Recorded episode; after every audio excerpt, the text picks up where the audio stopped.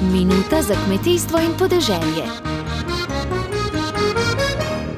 Ministrica za kmetijstvo, gozdarstvo in prehrano Mateja Čalušič se bo dopoledne prvič na skupnem srečanju sestala s predstavniki kmečkih nevladnih organizacij.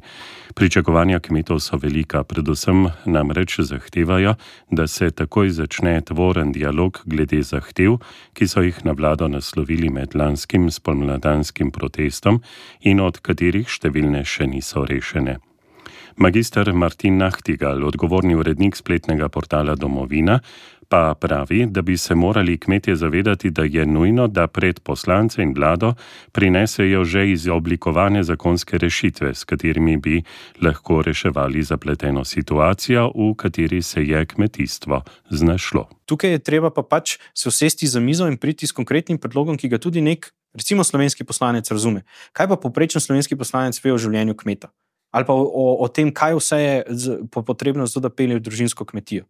Razumel pa bo, da mora kmet razložiti, da je njegova edina želja to, da popravi ta člen v tem zakonu, ta člen v tem zakonu in ta člen v tem zakonu. In da bo to za njega pomenilo to, to in to.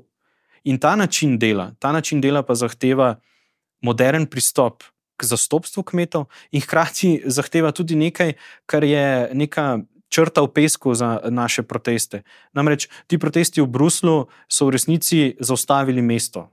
Tudi v Franciji so zaustavili v bistvu življenje v Parizu. V Belgiji so celo nasuli zemljo po avtocestah in rekli: bomo pa tukaj orali, če drugi ne gre. Ne?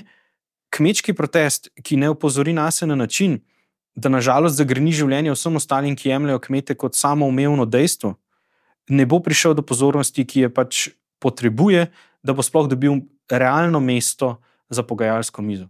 Več boste kmalo lahko prebrali na naši spletni strani radio.ognisce.si. Dobro se je zavedati, kmetijstvo nas vse preživlja.